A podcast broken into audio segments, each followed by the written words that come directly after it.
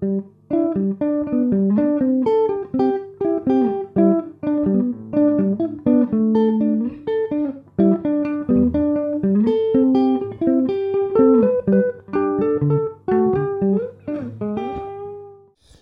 välkomna till sommaravsnittet av podden Solen.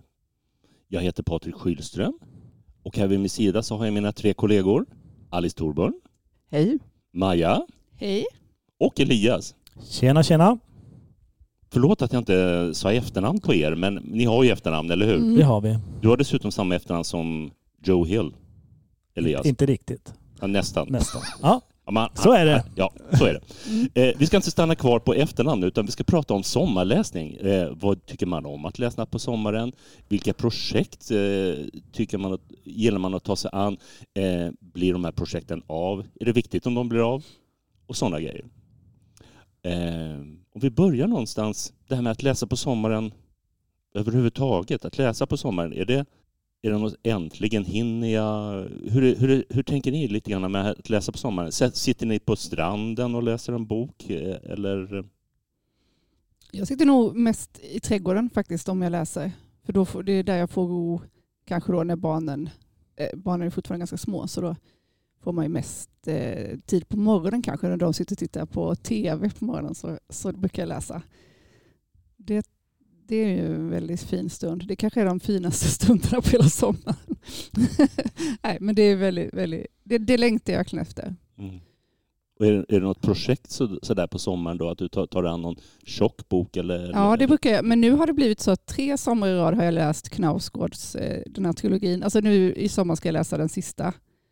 Eh, som heter, vad heter den nu igen? Det är tredje Det riket. tredje riket heter den ja. Och bara för det är väl inte den sista? Han trodde Nej det det, det, men det kommer inte. komma fler Nej, delar. Det exakt. kommer fjärde rik också. Ja, Bra. det är den, bara den här senaste som man har skrivit i den ja, serien av böcker. Men, eh, och de har ju varit fantastiska att läsa på sommaren. För de, ja, det är ju det där vardagliga perspektivet med det metafysiska. Jag tror att vi har ältat och tjatat om det här innan många gånger. Men det är väldigt bra sommarläsning tycker jag. Och det är ju också i, i det kan vi komma in på för det Ja. tycker jag i de här Knausgård, allihopa böckerna Ja. tror jag va, men kanske speciellt i den här sista och första så är det ju väldigt varmt och det är sommar och de är ju Mm. på sommarstället flera av de personerna som det handlar om. Och det kan ju uppstå något kanske när man, man märker att de är i ungefär samma situation som en själv i boken. De har ungar som springer runt och tittar på tv och man ligger i trädgården och läser en bok. Att Ja. Det kan bli någon slags... Meta. Ja, det där kan vara lite... Verkligen. Det känns liksom nära en själv på något sätt. Men Ja. Jag tänker Knausgård är ju så, det är så lätt att känna sig, eh, som jag tror att många känner igen sig så himla mycket av honom. Han är ju så himla allmängiltig på något sätt. Så att vad den skriver om så tror jag att alla kan se sig själva i honom på något sätt. Det är så mycket igenkänning i hans böcker. Samtidigt som det finns någon som inte alls förstår honom just det, och förstår sant. grejen för de, för de vill ha något annat. Men jag tycker oftast de inte har försökt. Nej, äh, Läsa- inte ansträngt sig nog. Nej, de har inte ansträngt sig nog. Det blir ju ofta så med sådana författare som Knausgård känner man att det är... Eh, folk har väldigt mycket åsikter innan de har läst. Mm. För det är kanske naturligt för att det, han figurerar, många pratar om honom, om honom och det är mycket intervjuer och så. Och så har man lite förutfattade meningar. Det är Mm. ingenting för mig. Och så läser man 50 sidor och får det bekräftat. Mm. Exakt, man måste ta sig igenom honom och kanske läsa flera av hans böcker för att förstå. Så. För väldigt ovanligt tycker jag, jag tror nästan inte jag har träffat någon som har läst en hel Nej. bok av Knausgård och bara det här var skit. Exakt. Det är väldigt ovanligt. Ja, det är också... Det är, Eller? Har ni träffat någon? nej. Nej. Inte, Någon recensent har det ju varit, men det är något annat. Ja, Det finns de som men- har lagt ifrån sig boken men de har nog inte läst ens halva, eh, tänker jag. Mm. Nej. Men tjocka böcker, apropå det där med formen, Ja. tycker jag tjocka böcker kan passa. Men också små tunna. Alltså både något, eh, kanske det är då att det ska inte vara något mellanting då. Det är kul att du säger det, för jag tycker extremerna passar synnerligen bra på sommaren. Inte, mell, inte med, medelböcker, utan Nej. riktigt tjocka, riktigt tunna. Ja. De tunna böckerna är ju lite så lättare att ta med sig till stranden. Så jag Ja. brukar nästan föredra... Tunna böcker kan man alltid ha med sig typ i, när man är ute och cyklar eller sådär. Det, Om man ska sätta sig på en uteservering eller något istället för någon jättemaffig. exakt, och i synnerhet noveller, för då kan man dessutom, det räcker med att du får det en liten halvtimme kanske, om det inte är så långa noveller. Och sen eh, har du liksom kommit, ja det kan ju bli en väldigt stark upplevelse. Det lilla korta. Alice, hur, tänker du när, inför läsandet i, so under, i sommar? Eh, nej, men jag hoppas att jag kommer att läsa. Det är inte säkert när, man, har, inte när, helt- man, har, när man har småbarn hemma. Nej, men jag känner lite, det är, det är nog upp till mig ändå. Det är inte, jag kan inte skylla på dem i all evighet. Men, eh, men jag vet aldrig riktigt eh, hur det ska bli eller vilka böcker som verkligen kommer bli av och sådär. Men jag tycker också väldigt mycket om att läsa utomhus och läsa när man har tid. Liksom. Ehm, ja. Både tjocka och tunna. Ja, precis. Men jag läser ju nästan bara tunna böcker annars. För att det, det är då jag läser klart dem helt enkelt. Tyvärr har det blivit så nu på sista tiden. Men så att jag kan tänka att det är roligt med lite tjockare faktiskt, också på sommaren. Och de, alltså det här med att liksom, Knausgård är väl lite så, men även andra som mer komma in i en annan värld på något sätt, eller befinna sig i någonting under en längre period. Och gärna böcker då som, är, alltså, som har någon, något drag av spänning eller någonting sånt som gör att det driver läsningen lite framåt. De tycker jag passar väldigt bra på sommaren också.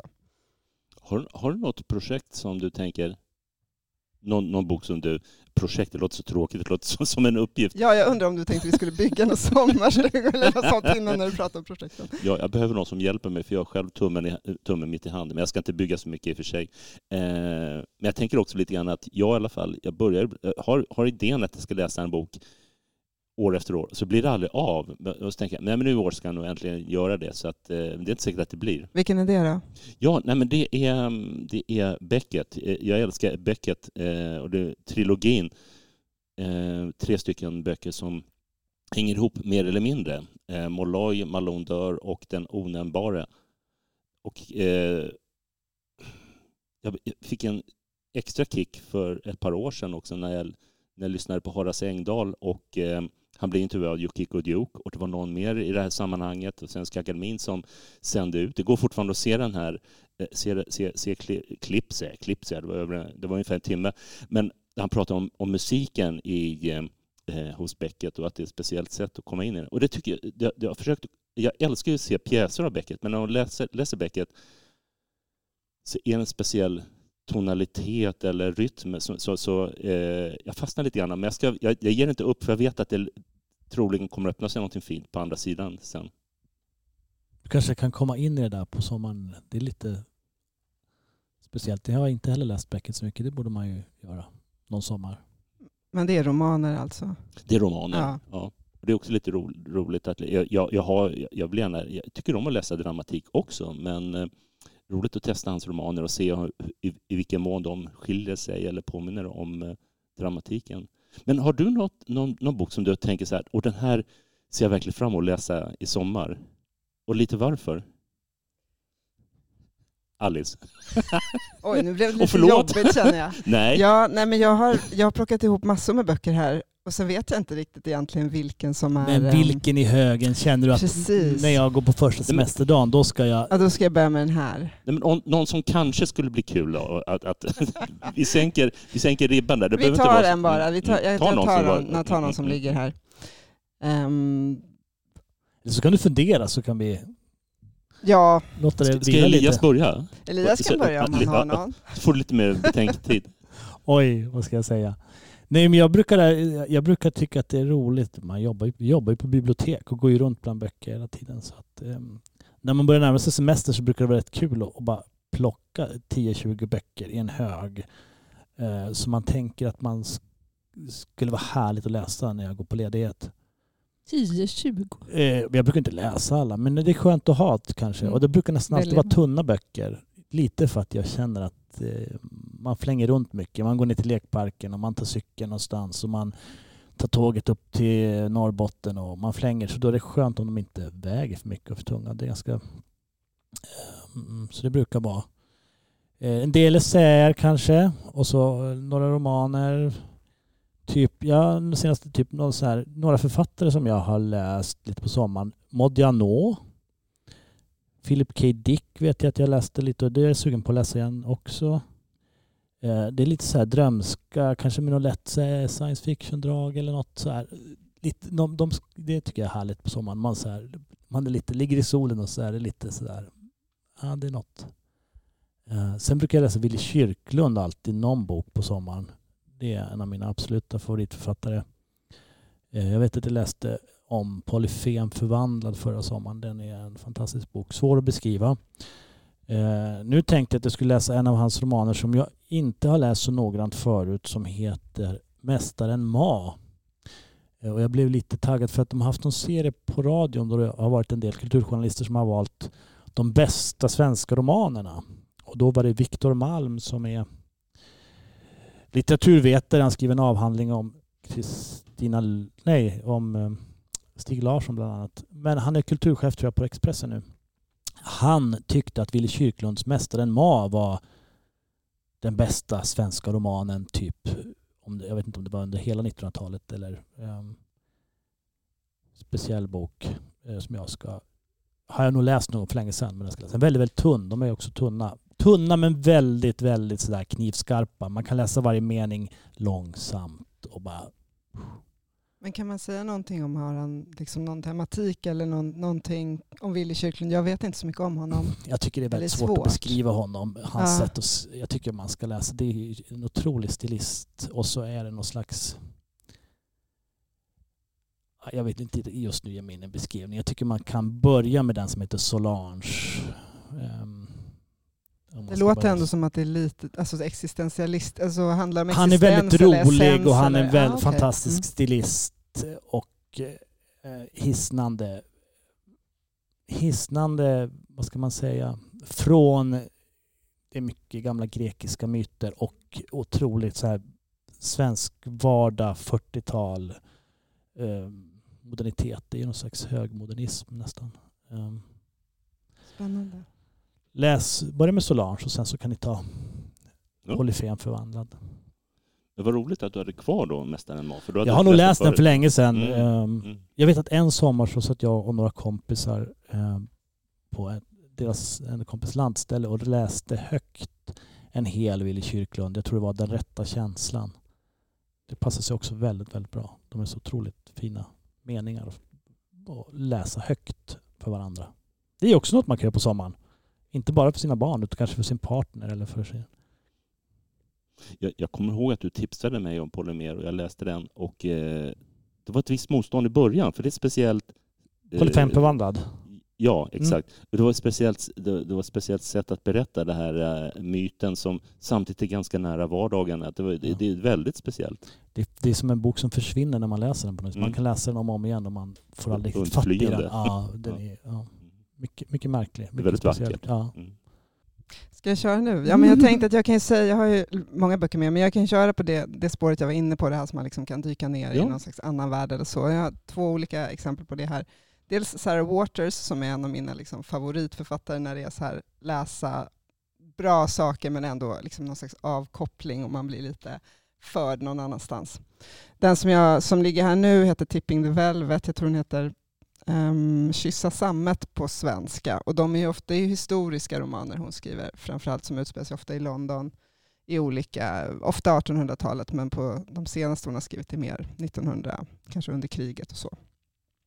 Den här eh, utspelar sig på någon for, alltså en kabaré eller så, och sen har de ofta också en lesbisk tema och, är, och någon form av liksom mysterium. Så de gränsar till liksom deckare, men det, och de gränsar också till typ Dickens, alltså den här breda bilden av någon slags samhälle i viktorianskt England. Och de är ju ja, de är, de är liksom så här lustfyllda böcker att läsa. Ja. Det låter väldigt stämningsfullt. Ja, ja. det är det, och spännande och sådana man, liksom, man ser mycket bilder framför sig också. Det är sånt som passar perfekt också om man vill göra film av det. Det är liksom eh, lånar sig väldigt bra åt det. Och sen en till som är också som är China Mieville, som jag tog med. Eh, den här boken är Kraken. Det, är inte, det, det blir typ kraken på svenska också va? Yep. För det är ju en, en, någon slags varelse. Jag har inte läst den här boken. Um, jag har läst en annan av honom som heter The City and the City och, den har du pratat om någon gång? Ja, vi har pratat om den i ett avsnitt för länge sedan. Den var otroligt bra. Det är en slags deckare som utspelar sig i någon slags, en värld där det finns det är en stad och så finns det en parallell stad som ligger på exakt samma plats men med andra människor. Och på vissa platser i den här kan man liksom byta stad då. Och sen ser man människorna i den andra staden rör sig lite som skuggor och så. Man kan liksom se dem, man kan inte röra dem och så. Jättefascinerande. Och sen är det en deckarhistoria som utspelar sig i den. Och han håller på mycket med sådana där, med olika myter och med olika världar och ja, väldigt originell, liksom lite fantasy, science fiction genreförfattare i stort. Mm. Jag, jag, jag hade ju förmånen att lyssna på honom för flera år sedan i, eh, i Skottland, i, vad heter staden? Eh, inte, inte Aberdeen. Eh, Edinburgh. Edinburgh, tack. Jag börjar bli gammal, helt vanliga ord försvinner.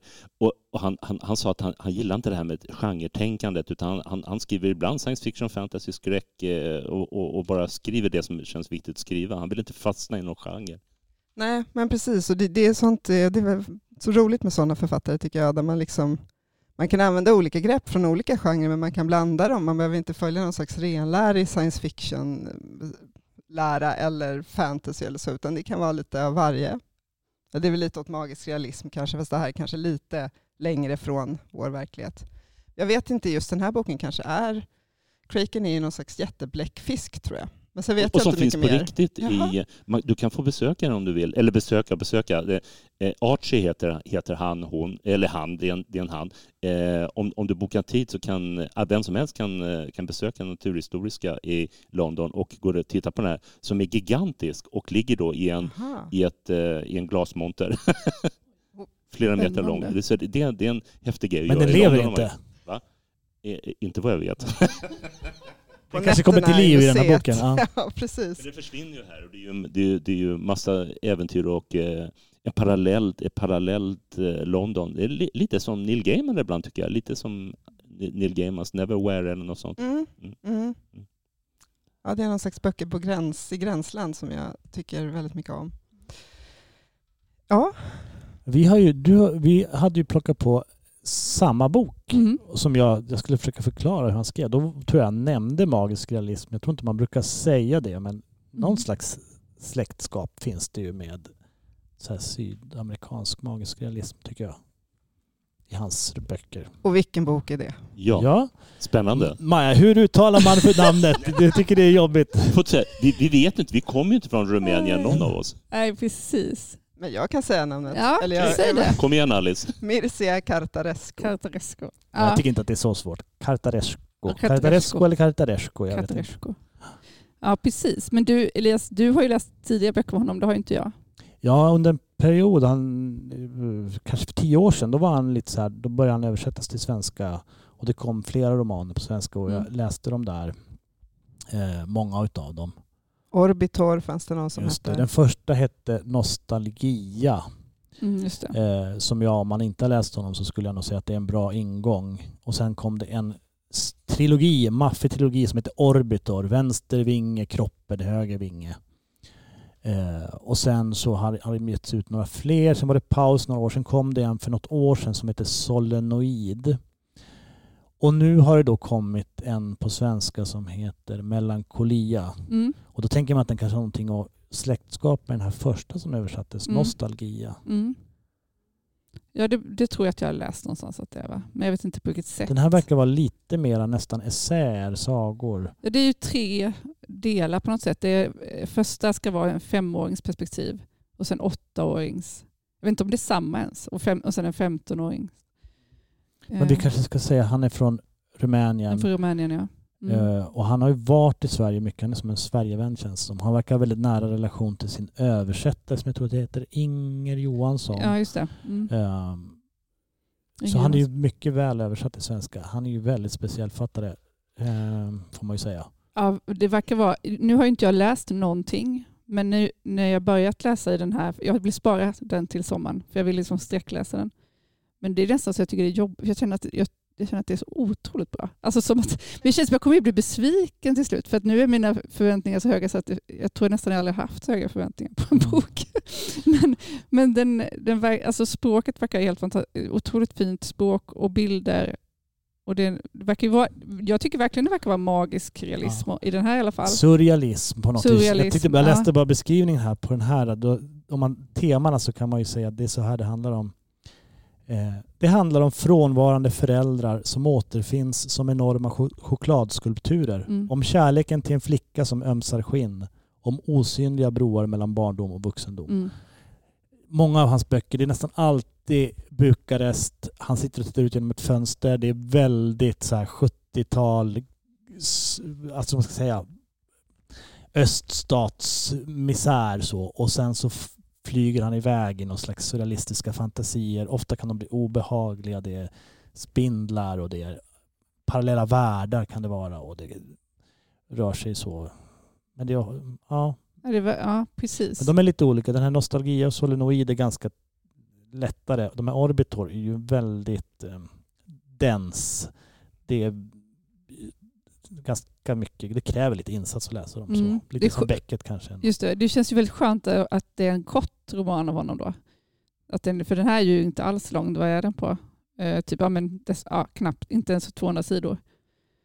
För- Och så är det ju tre delar. För det, och, då, och de delarna är ju inte uppdelade eller någonting, utan då är det ju bara text. För jag kan tycka att det kan bli lite mycket om det är en hel roman är sån, men nu är i alla fall tre, tre delar av den som den är uppdelad i. Men eh, jag tycker inte språket verkar svårläst alls. Men däremot så befinner man sig hela tiden... Han, I den första verkar det som att det är som ett rum pojken befinner sig i. Men så, så tar han kliv in i andra världar därifrån. Men liksom, eh, det är ju ingen handling i- på ett vanligt sätt. så. Men det är liksom slags... Nej, det är det ju sällan. Solenoid är lite mer av vanlig, vanlig roman kan man Ja, säga. okej. mm. Eh, Men också väldigt flummig så. Men det är roligt att han rör sig i samma teman för det är väldigt mycket nostalgi, väldigt mycket så här barndom. Eh, barn som leker kan vara ganska obehagligt, innehålla mobbing och sådana där. Mm. Alltså jobbiga situationer. Men sen är det också drömmen och fantasin som någon slags här Mm. tillflyktsort. Ja. Men var, den här skulle vara någon slags tema kring separation. Att alla människor liksom har ett trauma av att separeras från modern antar jag då, det syftar på, eller från något annat. Men, och att man lever med det traumat sen eh, resten av sitt liv. Liksom. Att, födas, att födas är att liksom separeras. Det låter lite grann som, som Beckett. Ja. Ja, Det är det. Kvinnan föder gränsle över en grav. Mhm. Ja. Gud, vilken, vilken, det var en underbar bild faktiskt. Men han, eh, han eh, det också känns som att det är så väldigt mycket en historia också om, ska man säga, livet innan järnridån föll. Alltså, Mm. Det kanske man läser in mycket, men det är mycket sådär hur man, hur, det finns kanske ett underliggande tema, litet tema, men som man, ändå finns där någonstans. Hur, man tolk, hur, hur uppfattade de 68 och 70 och punk och allt det här fast man var Mm. i Bukarest. Och det blir, alltså, det blir, det, jag tycker han ändå ger en bild av hur, hur det var att växa upp i, som man idag kan verkligen fascineras av. Hur var det att växa upp i Rumänien eller Östtyskland? Ja. Eller, Verkligen. eh, Den där nostalgia blev ju recens- eller recenserad, censurerad då mm. när, när, han, när den kom. För den kom ju då 89. innan, innan då. muren då var Ceausescu diktator. Ceausescu, jag. mm. För det var, var liksom, jag har förstått som, kritiserade liksom det förtrycket som fanns där. Men det vill man ju också läsa då. Ja, men det, ja, om man gillar den typen av genre så tror jag att han, ska man verkligen läsa honom. Ja, det, det ser jag fram emot. Hoppas Jag har man... inte läst så jättemycket sån här eh, sydamerikansk magisk realism, men kanske lite, lite, paralleller till sånt som Bolaño kanske man kan... Ja, Borges också tror jag. Ja, ja absolut, de Ja. rör sig lite samma... samma eh, Liksom, ja. Fast det är helt olika miljöer. Det gör ju också att han sitter och skriver från ett grått Bukarest och de Ja. skriver från ett Buenos Aires eller någonting. Det är också är ju väldigt... Ja. Ja, verkligen. När ni Mm. pratade om den började jag tänka på den här boken om Dor- av Doris Lessing som vi har pratat om i, i Ja. podden förut. Mm. Nu kommer jag inte ihåg vad den hette, men En överlev... Vandes minne. Ja, den är helt underbar. Mm. För den har ju också, där är, det är ju en, en slags dystopi eller en lite framtidsskildring. Men där är det ju en kvinna som också har just det där att hon, hon är på en plats och det händer saker runt henne men sen rör hon sig in i, hon hittar liksom rum som finns i någon slags parallell verklighet Mm. eller kanske i hennes Mm. fantasi. Eller, Mm. Den är ju väldigt fascinerande och otroligt Ja, bra. otroligt bra bok. Ja. Ja, det finns lite paralleller. Just att hon sitter ofta i fönstret och tittar ut. Och det gör det. han ofta i... i Det gör han också, pojken där ja. Och drö- man, I den man, här. Ja. skillnaden mellan dröm, fantasi och verklighet löses upp hela tiden. Och det gör Mm. den i den där... Precis. Där dyker det också upp någon flicka som hon tar hand om. Det är också ganska, alltid ganska oklart runt Mm. henne. Var kommer hon ifrån och hur, vad händer egentligen Mm. i världen utanför och sådär. Men det är väldigt mycket det inre. Mm. Och, ja. Det är fint. Man befinner sig i ett, i- först i ett fysiskt rum och därifrån så kommer man bara liksom djupare in i den, den människans hjärna kanske. Liksom. Ja. Som, det- liksom andra rum som öppnas upp i Mm. det inre som blir andra Ja, världar. Men Ja, Alice, hade inte, hade inte du en annan läsning här som du Jo. funderade på att läsa sen i Ja, sommar? men jag har det precis. Och jag tror att för hon hade någon period när hon skrev böcker som jag tror hon kallade själv för ehm, inner space fiction. Eller, något, alltså, apropå Bra genre Ja, låter eller det. hur? Det låter ju verkligen som Kardashev inner space Ja. fiction. Det är det det är. Jag tror att det var så det hette, för det skulle vara som att det är, det är inte science fiction för det är inte liksom andra världar utan det är inre världar istället. Och att den där boken, Överlämnades minnen, kallade hon för det, men också den här som heter The Summer Before the Dark, eller Sommaren före mörkret. Eh, och jag har inte läst den, men den handlar om en kvinna i någon slags så här medelålder, hon är 45 år gammal och hennes, eh, hennes barn har blivit vuxna eller är nästan vuxna. Och hon befinner sig också på någon slags eh, ja, plats i livet där hon behöver se om ska, kommer livet förändras nu eller kommer det fortsätta som det har varit hittills eller vad, vad ska hända sen. Ehm, så den, den har jag också... Den Bra liksom, titel på en sommarbok också. Mm. Nu Precis, Sommaren före mörkret. Och det kanske apokalypsen är kommer i att, höst. Ja, den här är ju ganska, den här är ju lite äldre så även om hon har skrivit här dystopier tidigare så kanske det här också handlar om vad är mörkret i, liksom, i en människas liv då eller vad kallar man det för mörker när en kvinna eller en person går in i medelåldern eller hur ska man läsa? Så det, men den är ju kom, kom ju tror jag på 70-talet. Så det är Vi spelar har ju spelat in åtminstone ett Doris Lessing-avsnitt. Vi har ju pratat om en överlevnadsminne. Sen har vi pratat ut avsnitt vi pratade om femte barnet. Men det kanske var samma avsnitt. det var nog Man samma. kan nog söka på ett Doris Lessing-avsnitt. Ja, Femte barnet kan jag ju verkligen rekommendera Doris Lessing också. En und- Ja. underbar bok. mm, Helt fantastisk. Om eh, en ganska tunn roman om en familj som, har, som lever ett lyckligt liv och har fem, fyra välartade barn och så får de ett femte barn och allting vänds på ända. Eh, jag tycker den är... Den är väldigt stark, den är väldigt drabbande. Eller? Ja. Det, det är sånt där ord som man använder alldeles för mycket i, i kritik överhuvudtaget. Den, också, Men den, får också, den får också fundera väldigt mycket. Vad, eh, tycker jag. jag tycker den är så, så ömsint också. Han är så väldigt annorlunda det här femte barnet. Han, är, han hänger med de tuffa motorcykelkillarna i byn och han förstör och han är jättejobbig och slår de andra barnen. Men ändå så är det så här modern ändå någon slags ömsint försöker hon ha blick på honom. Hon, ger väl, hon ger aldrig upp. Nej, men han beger sig ut i världen sen. Den är, Ja. det finns någon uppföljare på den också som jag inte vill läsa för jag är lite rädd för att det ska inte vara som jag. Jag vill att den ska leva kvar som. Mm. Ja, men hon är ju en bra författare. Hon skriver mycket sådana böcker som inte är som man förväntar sig. Man läser dem vad de ska handla om och så är de inte alls på det sättet men otroligt bra. Det är så, så härligt med sådana böcker.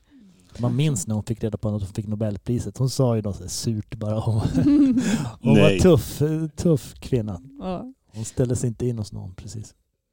Ja. Mm. Maja, Mm. har du någon annan bok som du har tänkt att läsa i sommar? Och tänkt att läsa är ju lite svårare nu. Eller det Vi kommer har ju en bli... till gemensam bok du och jag här, Våra högar. Ja. ja, du jag tänker har börjat på, läsa. tänker du på Frinta nu ja. Mm. Ja, just det. Olbecks Förinta. Har, men du har redan börjat på jag har den. läst Ja. halva nu. Mm. Mm. Så den ska jag läsa klart. Oj, den är jättetjock ju. Den är ganska tjock. Ja. Jag vet inte, 800 sidor kanske. Något. Ja, den vill jag också läsa. Vi har ju spelat in två avsnitt tidigare om Ja, precis. Den här är lite tjockare än de, de Ja. senaste och den fick inte riktigt lika bra kritik. Nej. Den är lite annorlunda. Den är liksom lite varmare skulle jag säga. Mm, han Alltså- börjar bli lite äldre. Ja, men det ser som huvudkaraktären är inte alls lika osympatisk som hans andra har varit. Har du börjat läsa den? eller? Ja, halva. Mm. Mm, mm, mm. Men eh, alltså, han är väldigt skön. Den här är jätteskön att läsa men liksom, jag tror att det kommer hända grejer som eh, ställer saker på ända lite mer efter. Om jag bara läst halva så kan jag inte, jag vet inte vad som ska hända. Kan jag få läsa första meningen? Den är så Ja, underbar. Jag har absolut. bara läst första meningen. Mm. Ehm, och det är inte alls något sommartema, det är precis tvärtom. Men så här börjar den. Vissa måndagar alldeles i slutet av november eller i början av december har man, i synnerhet om man är singel, känslan av att vara dödsdömd. Sommarledigheten är glömd sedan länge, det nya året är ännu långt borta, närheten till intet är sällsynt påtaglig. Mm. Alltså jag, jag ser fram emot att läsa honom. Jag älskar Mm. hans böcker. Mm. Och samtidigt, så, samtidigt så vet jag, när jag var uppe på eh, och, besökte Umeå Littfest och så träffade jag några som, eh, som, som, som också skulle åka upp dit, eh, som kommer från Frankrike eh, och som var akademiker av något slag. Eh, två unga damer och de- de sa det att, att de hade älskat hans böcker men de kunde inte läsa honom längre. Och Då var det här den här porrfilmen som han hade spelat in och som, som han hoppades på att den inte... Han hade en sån här konstig ursäkt efteråt att han hoppades att inte den skulle visas men... Han har försökt så här att han, han tyckte det var ett misstag. Han förstod inte, hade inte tänkt på hur gammal och, och han skulle se ut i jämförelse med de där unga aktrisen som var med. Ja. Ja, det finns ju mycket, han är ju mycket att säga om Olbeck, men hans böcker är ju intressanta i alla fall. Mm. Ja, exakt. Och det, och det är ju det, det är kanske ett avsnitt i sig att prata någon gång om det här med för, författaren och verket. För jag, jag tycker ändå att verket är en sak och författaren är nå- någonting annat. Mm. Nej, det blir jättekonstigt om det bara är, är, är snälla och eh, perfekta och människor som får skriva böcker. För alla har ju Det blir någonting. jättekonstigt. Det Alla blir ganska någonting. tråkigt. Så till slut blir det inte mycket kvar. De välartades litteratur. Nej, exakt. Ja. Det, Mm. Dit vill vi väl inte. Jag har läst en bok ja. av Horace Engdahl, apropå det, författare som ofta... eh, Vilken var det? Det är nog hans senaste, den läste jag alldeles nyss. Den heter, jag vet inte om jag ska säga, OP.101. Det är väl ett verk, eh, namnet på ett mm, musikaliskt verk. Eh, nu är jag säkert bort mig här, men det bjuder jag på. Eh, jo, nej, men jag gillar ju, jag tycker att jag behöver inte tycka så mycket om Horace Engdahl som person. Eh, men jag tycker om att läsa hans böcker. Hans, det är ju slags, vad ska man säga, aforismer, tänkeböcker, dagböcker. Mm. Nu har han flyttat till Göteborg och sitter och känner sig gammal, sitter på balkongen och funderar över livet och tillvaron, hur det blev och eh, vad som... Eh, men han är ju, jag tycker att han, jag läser nog honom för att man börjar fundera lite grann över olika saker. Han är ganska bra på att ställa frågor och beskriva saker i samtiden som, som man kan fundera på. Han har ju lite fiender. Han tycker att det finns en moralism och en dubbelmoral i, i samhället idag som han inte köper. Eh, Så. Han, så han skildrar samtidigt väldigt bra. Samtidigt så börjar han i första aforismen där att han har inte läst en tidning eller lyssnat på radio eller gjort något sånt där på senaste fem åren. Han bara läser de gamla klassikerna nu för tiden. Eh, som han hänvisar till. Men visst, men, visst, men visst är det intressant med de som utmanar och som inte bara säger samma som, som alla andra. Ja, det är nog viktigt, även om det kan vara jobbigt om de säger, speciellt om det är någon författare som man verkligen tycker om som plötsligt visar sig vara en svinpäls. Det kan ju vara lite jobbigt. Men Jag gillar till exempel Horace eh, Engdahls eh, krönikor som han skriver. Det, det är han och Johannes, Johannes Klenell och eh, Klingberg heter hon. Jag kommer inte ihåg vad hon heter förnamn. Och sen är den fjärde. De turas om att skriva i, svenskan, i, ja. i svenskan. Det är, alla fyra är bra, men, men eh, frågan är om inte jag tycker att Horace är mest intressant. Och jag blir lite mina egna åsikter och värderingar blir lite eh, ställda på kant ibland och eh, jag får bra musiktips och annat också av honom. Men är inte det man vill ha författare? Någon som verkligen eh, utmanar ens egna Jo. förutfattade meningar om saker och ting. Nej men den här boken är, är ganska mycket som hans krönikor i svenskan. Fast lite mera. Så det är betraktelser och tankar och så. Alice? Nej, men har inte du något mer Patrik? Nej, jag har inga mer. jo, det har jag du absolut. bara Beckett jo, hela sommaren ja, Patrik? det- Du behöver ja, något ja, annat också. Absolut, och vi pratar om tjocka eller tunna böcker. Jag har en jättetunn bok här. Som jag blev, först blev jag, det här väldigt ytlig betraktelse till en början.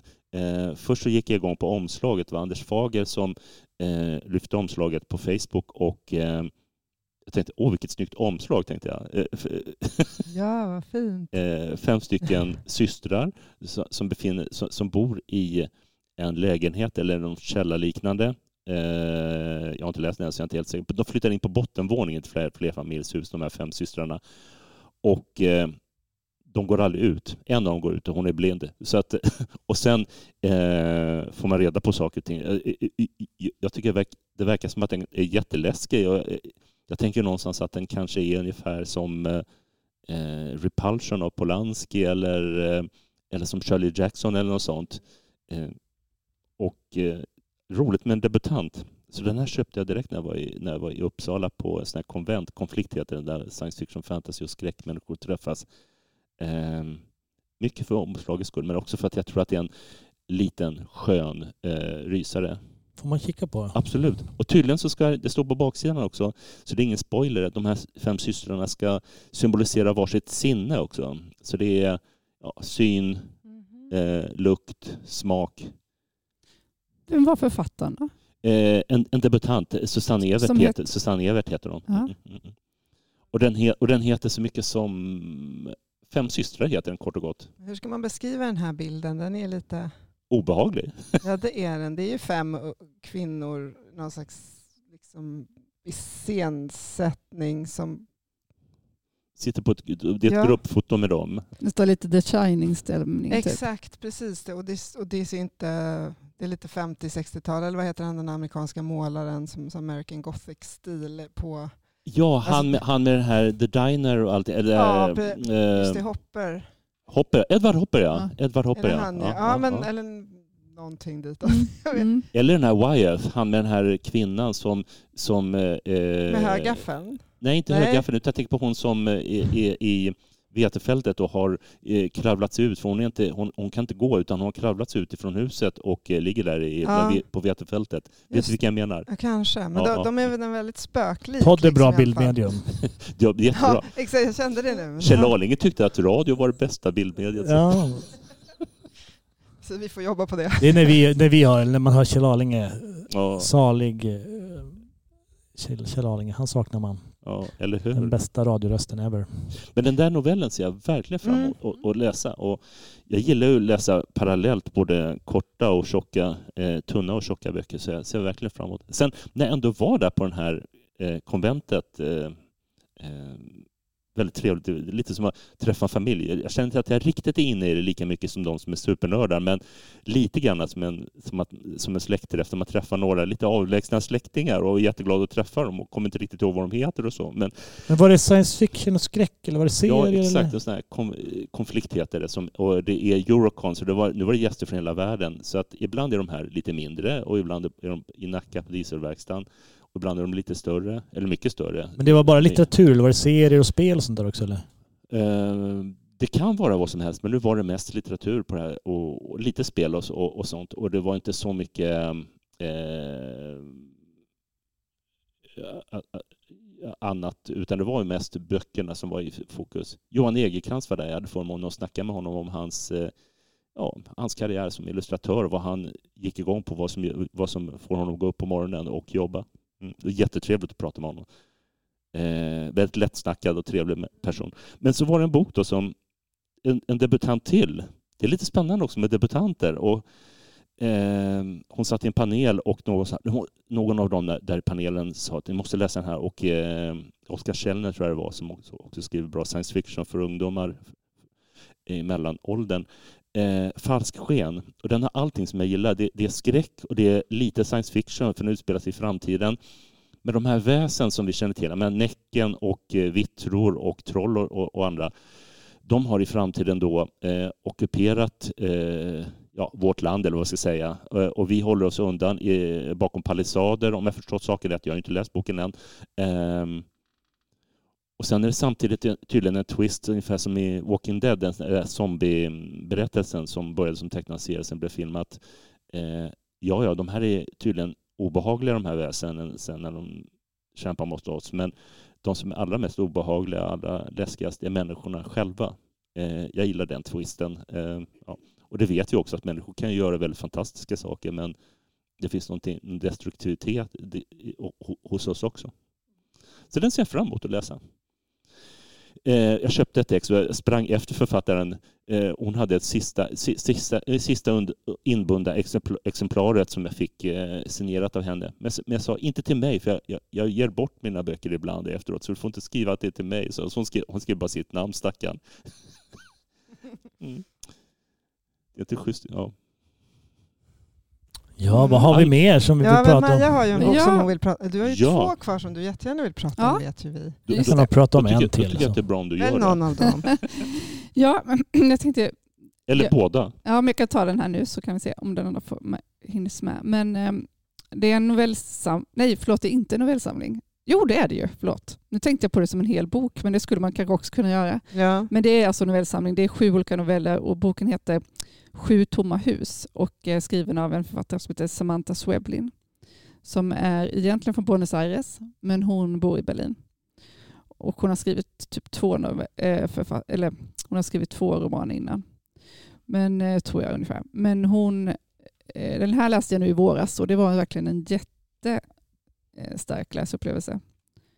Ehm, det är liksom Eh, väldigt märkliga noveller. All, alla de här som, eh, det, det är människor som håller på med väldigt irrationella, märkliga liksom, förehavanden. Man förstår inte varför de gör sådana saker. Det är liksom väldigt irrationellt. Till exempel eh, så är det en, en granne som hela tiden eh, eh måste, gå till, måste gå till sin grannes trädgård för att hans fru har liksom slängt över deras döda sons kläder till den, till den andras trädgård.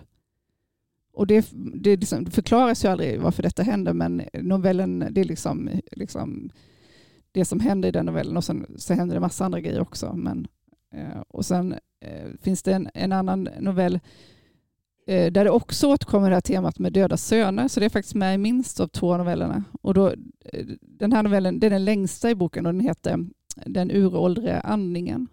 Och det handlar om en kvinna som heter Lola som är dement och hon håller på paketerar henne och hennes makes eh, tillhörigheter i olika lådor. Ehm, och sen skriver hon lappar som minneslappar som ska komma ihåg saker till sig själv. Ehm, och sen eh, så upptäcker hon då att hennes man har eh, fortfarande köper en chokladdryck som, som henne, deras son ville vill alltid ha den. Och detta är alltså jättelångt senare då, sen sonen är död. Ehm, och när hon upptäcker detta så blir det allt, mer och mer förvecklingar och hon, allting blir mer och mer osorterat i hennes huvud. Liksom. Eh, eh, ja, det är väl, och så finns det en annan en som jag tycker också jättemycket om, en novell som är en, eh, där berättar jaget då hennes svärföräldrar, nej hennes föräldrar menar jag, eh, klär av sig nakna och springer runt i trädgården och så tar de, försvinner de iväg med barnen och barnens kläder ligger liksom som de har bara slängt av barnens kläder också. Så det är, jätte, det är, det är jätte, och ganska roliga, absurda grejer. Det låter lite sorgset också, men det, men det, men det, det finns jo, humor det också. är, Ja. det är det absolut. Det är supersorgset och eh, det är liksom det är liksom på något vis man, man känner så här att det är så koncentrerade, väldigt lättlästa koncentrerade noveller men det öppnar upp, varje novell öppnar upp liksom det är som att allting bara som innehåller, det vi pratade innan, det är inre hjärnan liksom, allting som eh, man vet aldrig liksom vad som är sant eller inte sant, vad är det som händer inne i människan eller, eller ut, det yttre liksom. Uh, jag, jag, faktiskt, det var länge sedan, jag var verkligen så här, shit, det var liksom någonting utöver det vanliga. Men den osäkra är väl verklig, eller liksom verkligheten också på något sätt? Eller Ja, det känns som verkligen. att man vet inte riktigt, så här, det är liksom ett gungfly som man rör sig på. Vad, är det som, vad händer och vad kan hända? Liksom? Ja, verkligen. Det, det är väldigt vardagligt, vardaglig miljö. Det är hemma hos folk, liksom, Mm. i deras hus. Och det, men i det här vardagliga då så bara uppstår mer och mer konstiga saker. Mm. Och, ja, det, är- och det, det är så underbart med sådana, när det finns inga förklaringar till någonting. Varför, det, varför saker sker så. Utan, men, men ja, Man får fylla i själv då som läsare Ja, och, och precis. så gissa lite. Det är ju helt underbart. Jag, jag, Mm. jag gillar när man får vara medskapare. Precis, Mm. och det är väldigt så här, vad ska man säga, man, ja, man blir väldigt desorienterad. Människorna är det och man själv blir det. Men också det, det som kanske är också väldigt mycket, det känns mycket människor som försöker kontrollera kontrollera någonting. Alltså man, man försöker, man samlar på grejer eller man, man tar, eh, det är en mamma som till exempel och en dotter som åker till andras välbärgade hem och tar deras tillhörigheter och, och gräver ner i sin egen trädgård. Man känner att det är liksom, man, man hela tiden eh, man försöker kontrollera någonting som man inte kan kontrollera som känns som hela ens egen existens på något vis. Att man gör massa konstiga saker och så är det ju på riktigt. Man gör massa Låter konstiga saker. Haneke helt... tycker jag. Ja, det kanske det gör. Lite Ja. Filmskaparen. Ja, just eller det. den här grekiska regissören, han som Ja, gjorde Dogs, Dogtooth, ja. som- så- där, Just det. där, Just det. Ja, där han inte släpper ut sina barn utan Ja. han kontrollerar dem hela tiden.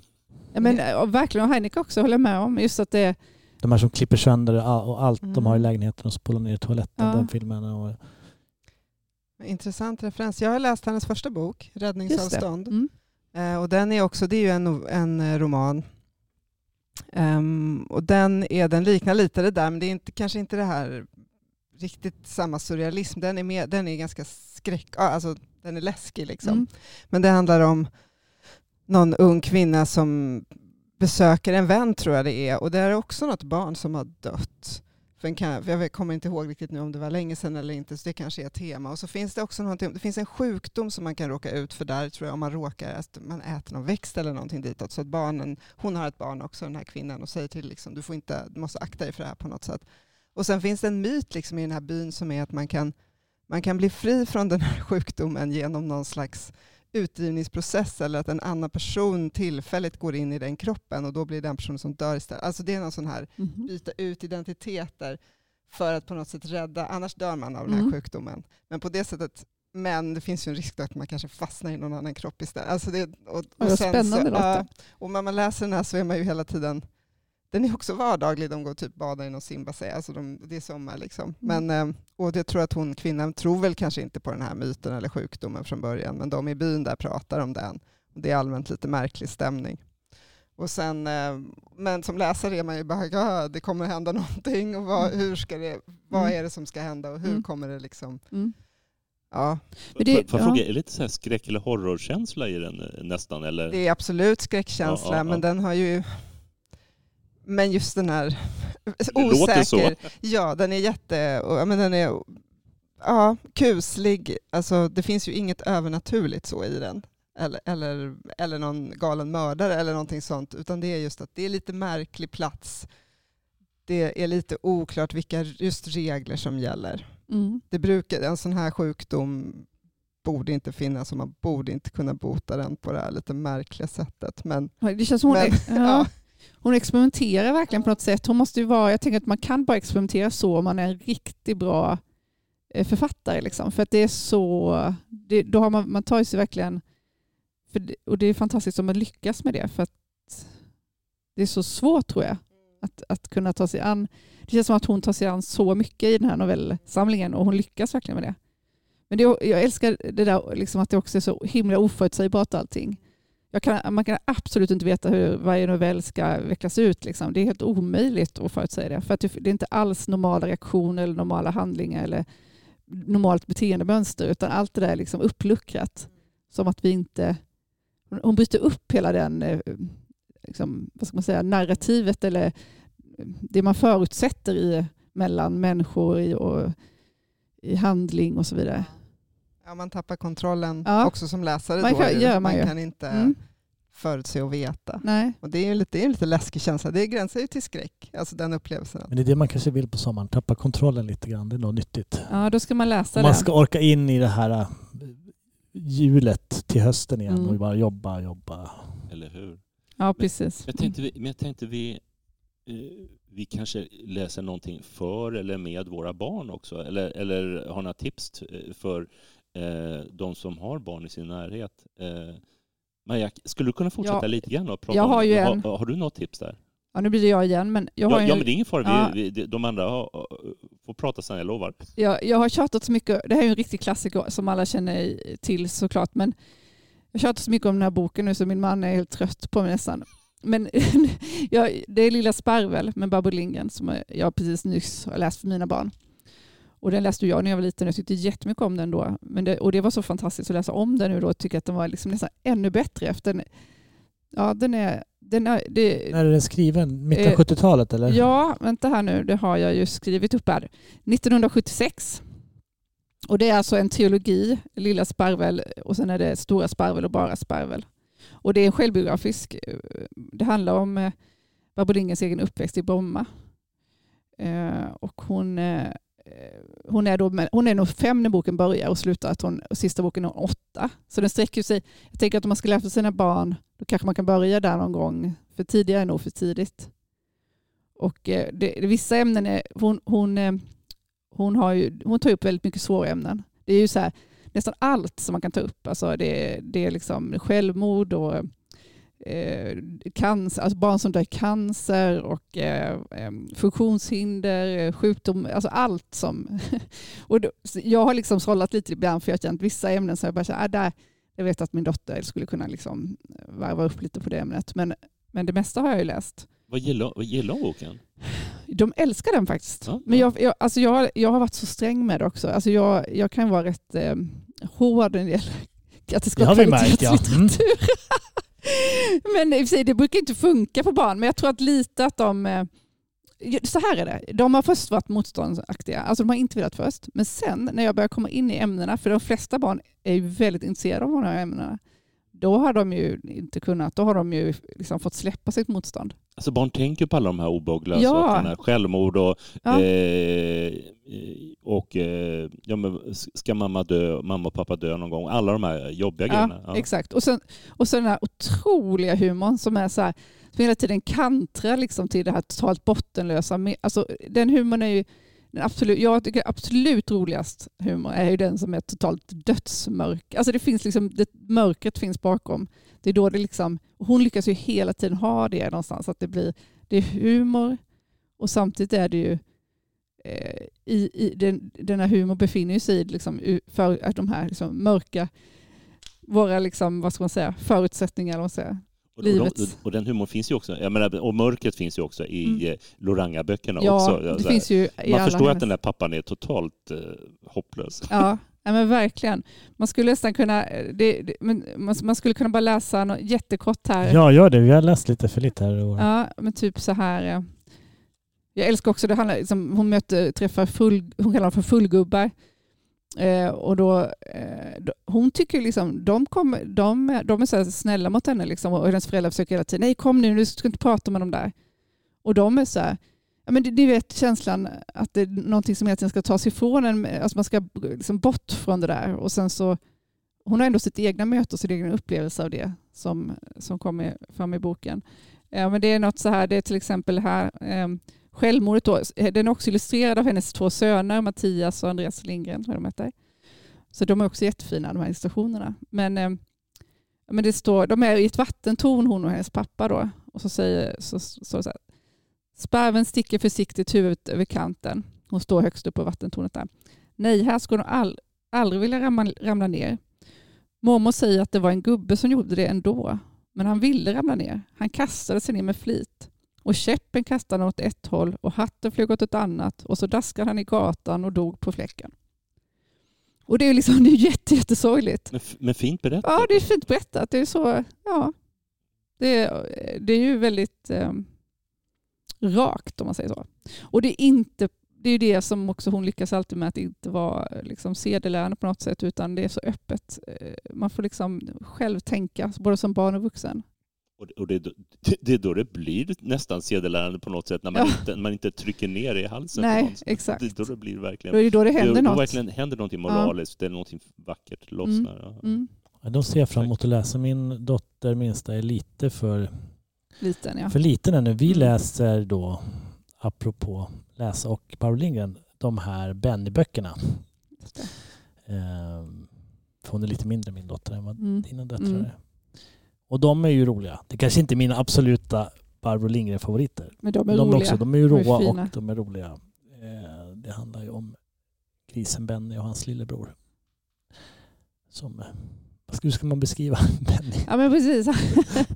ja, nej, nej, ja, precis. Jag minns bara en där de springer runt och letar. Ja, men jag, det som är starkt är att de andra personerna är ganska elaka. Det finns en här mm. rulle som puttar ner dem i pölen och Just det är någon granne som bara skriker åt dem. Här får du inte vara ungjävel. Och någon, jättearga olika farbröder. Och mm. Han tappar sin napp och det är sådär. Um, men de mm. handlar väl också om det är så starka känslor som han själv känner som är väl liksom vrede och ja. avundsjuka och sådana saker. Det är mycket, han, han hans mamma ska tvätta den här nallen som han har. Då blir han arg och går hem. Han flyttar hemifrån med nallen istället. Mm. Och, ja, Och när lillebror kommer och bara skriker, orkar inte heller vara där längre. Det är lite så. Men sen blir han ju sams med lillebror på slutet. Ja. ja, men de är, de är jätte... De är jättefina. Mm. Det är så när just man kan skratta så mycket och sen är det sorgligt på ett sätt. Alltså det, hon lyckas ju alltid få med den, de där båda Ja, verkligen.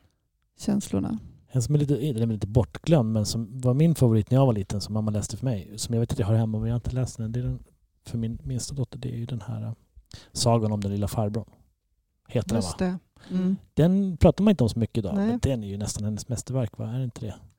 Om den ensamma farbrorn som är väldigt, väldigt ensam och så eh, får han en kompis i en hund. Och allting blir bra. Tills det kommer en söt liten flicka som hunden gillar lite mer. Den Det är väl ungefär, jag ska inte spoila hur det slutar, men med fantastiska bilder. Det är väl Eva Eriksson som i de flesta. Mm. flesta. Den är så himla fin, omslaget på Lilla Sparven Mm. där. Men så att det var hennes barn som har...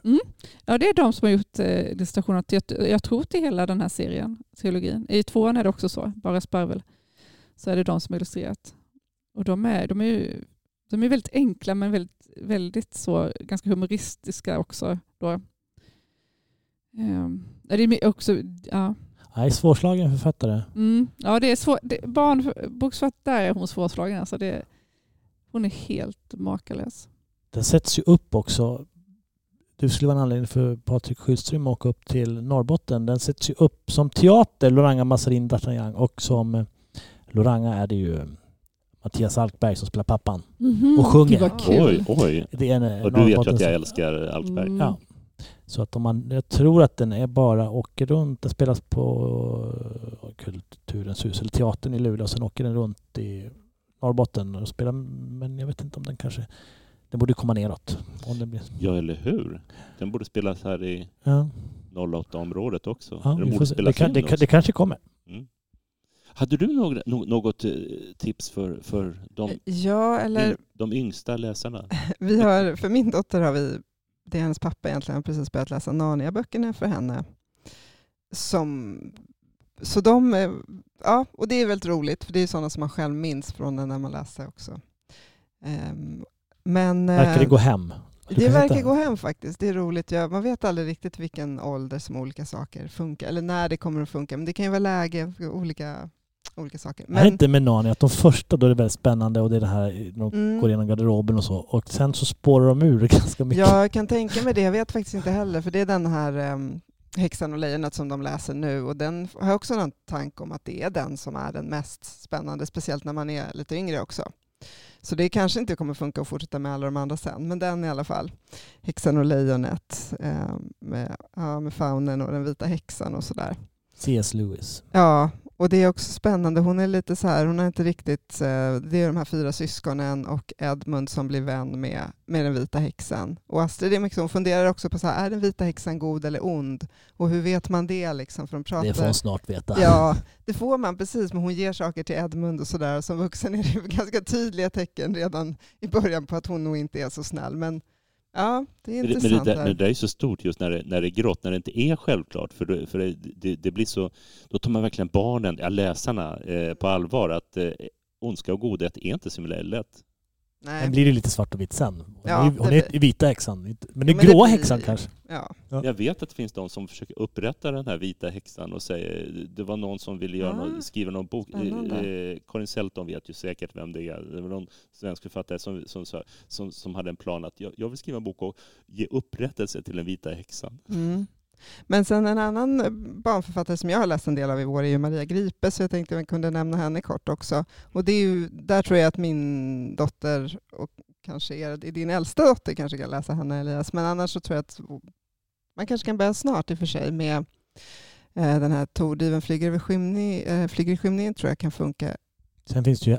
Elvis-böckerna Ja, det finns det ju förstås. Det är sant. Jo, Mina men du har ju favoriter. rätt. Hon har ju skrivit massor. De jag har läst nu har ju varit för lite äldre, men du har ju helt rätt. Hon har ju skrivit jättemycket. Eh, och det skulle man nästan kunna göra ett, ett eget Det solen tycker jag vi gör. Men Elvis-böckerna är Ehm. också ganska bortglömda Ja. idag. Det är den bästa skildringen ever av ett typ en sexåring Just det. en pojk, från pojkens synvinkel och hans eh, hopplösa mamma och pappa. Mm. Och, jag tror att det är hans morfar som han tycker om så mycket. Och, eh, Ja. Väldigt vardagligt. De är så himla bra. Ja, det hade varit roligt. Hon, det är ju någon slags, ett jubileum för henne i år också. Mm. Hon- Ja, men nu avbröt jag dig. Men det är, de Ja, men- passar ju för lite, lite yngre. Det är ingen fara. Även Hugo och Josefin kan man läsa lite Precis. yngre också. också Ja. lite, det är nästan de här skuggbänk... Vad heter Mm. de? Serien heter... Skuggan över stenbänken är den som ligger här, men så är det Agnes Cecilia och Torduven flyger i Det är skymningen. nästan mest de man pratar om idag. Ja, och det är ju lite mer ungdomsböcker de. Men hon har skrivit väldigt mycket. Hon hade olika faser i författarskapet också kan man säga. De här är ju de senare, de som kom sist egentligen. De hon skrev eh, sist, medan hon tidigare skrev de här med, som Hugo och Josefin och så. Men ändå ganska psykologiskt liksom insiktsfulla berättelser om barn. Det är verkligen så här, den här Elvis-böckerna, han är väl fem sex år, men alltså lyckas beskriva hur himla klok och hur djupa tankar man tänker och hur mycket man förstår och vad man ser av världen när man är så och ändå får det kännas som att det är från, man känner igen sig när man var sex år. Det är, tycker jag är fantastiskt. Fantastiska Mm. böcker. Ja, och Agnes Cecilia är ju en sån som har det här lite mys- mystikdraget i som de här ungdomsböckerna har, men som också är ganska liksom, psykologisk beskrivning av. Det är en flicka som har förlorat sina föräldrar och växer upp i en fosterfamilj och lite hur hon tänker, hur det påverkar henne och hur hon också upptäcker händelser bakåt i, i sin familjs historia som liksom speglar lite grann det hon själv har varit med om. När kan man börja läsa dem för sina barn? Tror ni? Så Torduven flyger i skymningen är mer en rak, liksom, lite mysteriehistoria. Mm. Så Mm. Så den, det, men den är annars det är ganska mycket text och så, men Ja, den men- funkar nog ändå i relativt lite yngre ålder. Men sen, kan, jag tror att jag läste dem där när jag var så 11-12, Ja. alla tre, men Jag tror också jag läste tror jag man kan senare. ta lite Så lite tidigare. mellanålder sådär. Ja, precis. För de är, jag minns att jag läste om eh, eh, Agnes Cecilia för ja, rätt länge sedan nu, men ändå jag upplevde att språket det går, det går långsamt, alltså går lite långsamt. Alltså, det är därför jag tänker att barnen behöver vara lite större för att man ska liksom, mina barn blir så otåliga om det liksom, Babbolingen Ja. händer ju grejer hela tiden så här, men, men eh, Jag tror i det. de, eh, ja. Torduven är rakare, det går snabbare, men jag tror att den också är några år till. Mm. Eh, kanske 8-9 är Mm. liksom, att man kan testa. Ehm, men um, får jag säga en till vuxenbok också? Ja, Absolut. En bok som jag har läst som jag vill tipsa om. Eh, som nog är det bästa jag har läst den här våren. Ja, det verkar. Tiken av Pilar Quintana. Eh, en colombiansk författare. Det är sydamerikanskt tema här lite. Mm, lite grann, precis. Eh, ja, den... ehm, det är också samma person som har översatt de där två kan jag säga, nämna. Det är en syssling va? Min syssling Anna-Karin Thorburn. Vi som pratar inte om de här bara för att det Ja, är... Sju tomma hus av Samantha Schweblin och den här eh, Tiken av Pilar Quintana. Eh, den här är också, det är en av de här korta, korta böckerna. Eh, men den är helt fantastisk. Den rymmer otroligt mycket trots att den är, den är bara 105 sidor lång den här. Eh, handlar om en kvinna som heter Damaris som bor vid Stilla havskusten i en liten by i Colombia. Eh, och, ehm, hon, hon är gift, hon bor ihop med sin man. De, hon är, börjar bli, hon är i 40-årsåldern tror jag. Hon, eh, de har försökt få barn men de har inte kunnat få det. Och nu har hon väl börjat ge upp att det kommer inte att hända. Och sen i den här början av boken så får hon ta hand om en valp.